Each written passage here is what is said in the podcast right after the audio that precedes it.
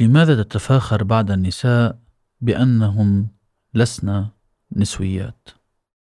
تتفاخر بعض النساء وخاصة بعض المثقفات منهن بأنهن لسن نسويات أو فيمينيست وكأن النسوية مرض يسبب الحكة ويبعد عنك الناس ويعلن بقرف أمام المجتمع.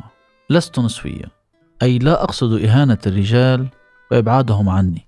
تتشابه هذه الحالة مع تسخيف بعض الرجال للنسوية ونكرانهم لها وكأنهم يخشون من تسلط تلك النسوية الوحشية على ذكوريتهم الفحلة والأصلية التي تبدو قادمة من متخيل عن الرجل في العصر الحجري. الصياد ذو الطبيعة الصلبة القادر على الصيد والنكاح ويريد أن يعيش حياته دون مسؤولية أو عاطفة. وكأن الطبيعة خلقته بهذا الشكل. هذا المتخيل مستوحى من القصص الملحمية التي تتحدث عن الرجل القوي الذي يقول ما يفعل ولا يمكن لامرأة أن تقف في وجهه لأنها أصلا ليست من نفس الطبقة كما قالت سيمون دي بوفوار. ليس هناك أكثر غطرسة تجاه النساء أكثر عدوانية أو ازدراء من رجل قلق على رجولته. يبدو هذا التصريح أن كل من النساء أو الرجال نابعا من عدد من الموروثات الشعبية ومن جهل خالص بالنسوية والصراع النسوي. إذ تجد بعض النساء خلال اللقاءات الاجتماعية يشكين همومهن في العمل وأسلوب تعامل الرجال معهن. إذ تقول عارة موظفة ثلاثينية تعيش بلا سند لا يمكنني تصديق هؤلاء الرجال الذين يتعاملون معنا وكأنهم يملكوننا وكأننا أقل قدرا وذكاء منهم. أرفض هذا التصرف ولكني بالطبع لست نسويا وأريد التنويه. أنا أتحدث عن الرجال بهذه الطريقة لأنهم يعاملوننا دون احترام فقط. يجدر القول أن الكثير من النساء يخفن من اعتبارهن نسويات كي لا يكرهن الرجال البعول المعارف المدراء. الخوف من ابتعاد الرجال عنهن وابعادهن عن المتعة والأمان والاستقرار يجبرهن على قول كلمات مؤذية لأنوثتهن ولأدوارهن. بالطبع لست نسوية وكأنها تقول لن أكفر.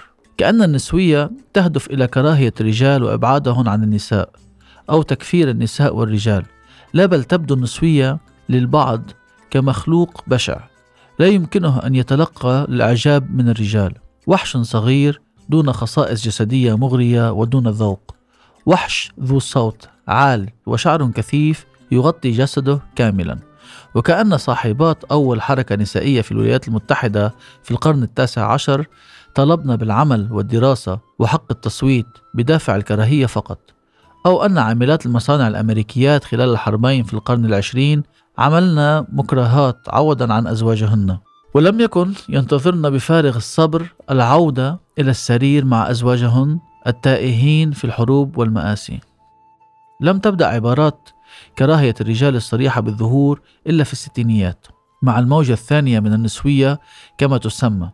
وهذا ما نلاحظه مثلا في مانيفستو القذارة 1967 لفاليري سولانس. في تلك الحقبة بدأت الناشطات النسويات بالتحدث عن تحرر الجسد وعتقه من تسلط الرجال في العمل والمنزل.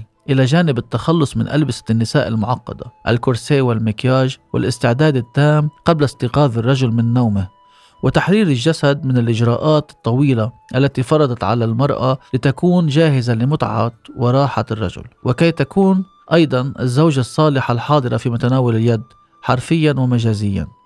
كان من الضروري إبعاد الرجل وقتله رمزيا والبدء باتهامه واستعادة المرأة لملكية جسدها. بشعور أجسادهن كاملة. واستعرضن أجسادهن المتعبة وألبستهن غير المنمقة أي الافتخار بالجسد دون أي إضافات أو إزالات. قامت الحركة النسوية أو الحركات النسوية المتعددة بالكثير من أجل المرأة خلال عقود نضالها. ولهذا من المفترض على النساء على الأقل تقدير جهد ودماء وعرق تلك النسويات.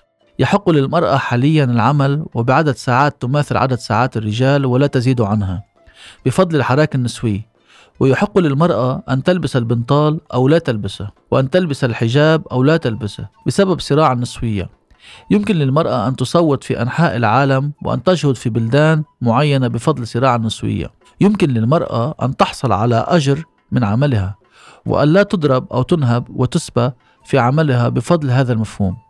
تمكنت المرأة من الحصول على قدر من الكرامة والفخر بفضل تلك النسويات التي دفعن أثمانا غالية لتغيير السياسات من أجل كل امرأة. والحصول على الدعم والمساعدة من قبل المؤسسات المختلفة وأن يقف القانون بجانبها أحيانا بفضل النضال النسوي. لا يمكن اعتبار هذا الأمر إلا كرما كبيرا. ومن السذاجه القول إن تطور المجتمع حدث بسبب تغير الزمان وكثرة الأعوام وامتيازات بعض النساء فما اكتسبناه الآن لم يكن مجانيا. وبفضل جهود أولئك النسويات يحق للمرأة الهيام والإبداع بل والتأفف علنا من سطوة الرجال. الصراع النسوي اقتصادي في جوهرة.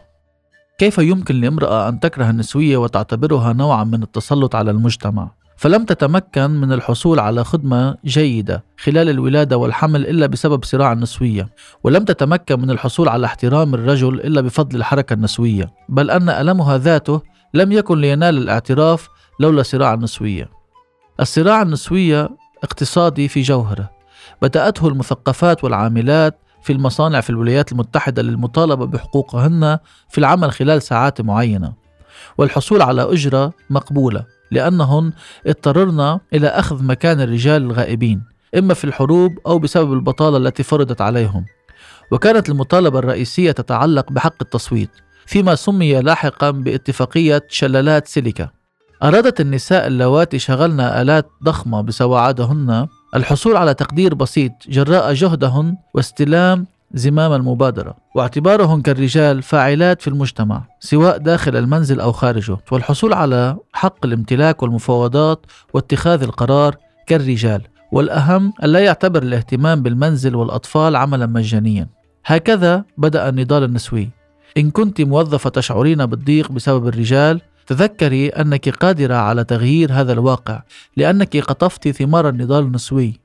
تذكري مظاهرات النساء وضرب الشرطة لهن. تذكري الحصول على حق التصويت وحق الإجهاض وحق الحياة والعمل والجلوس والحديث.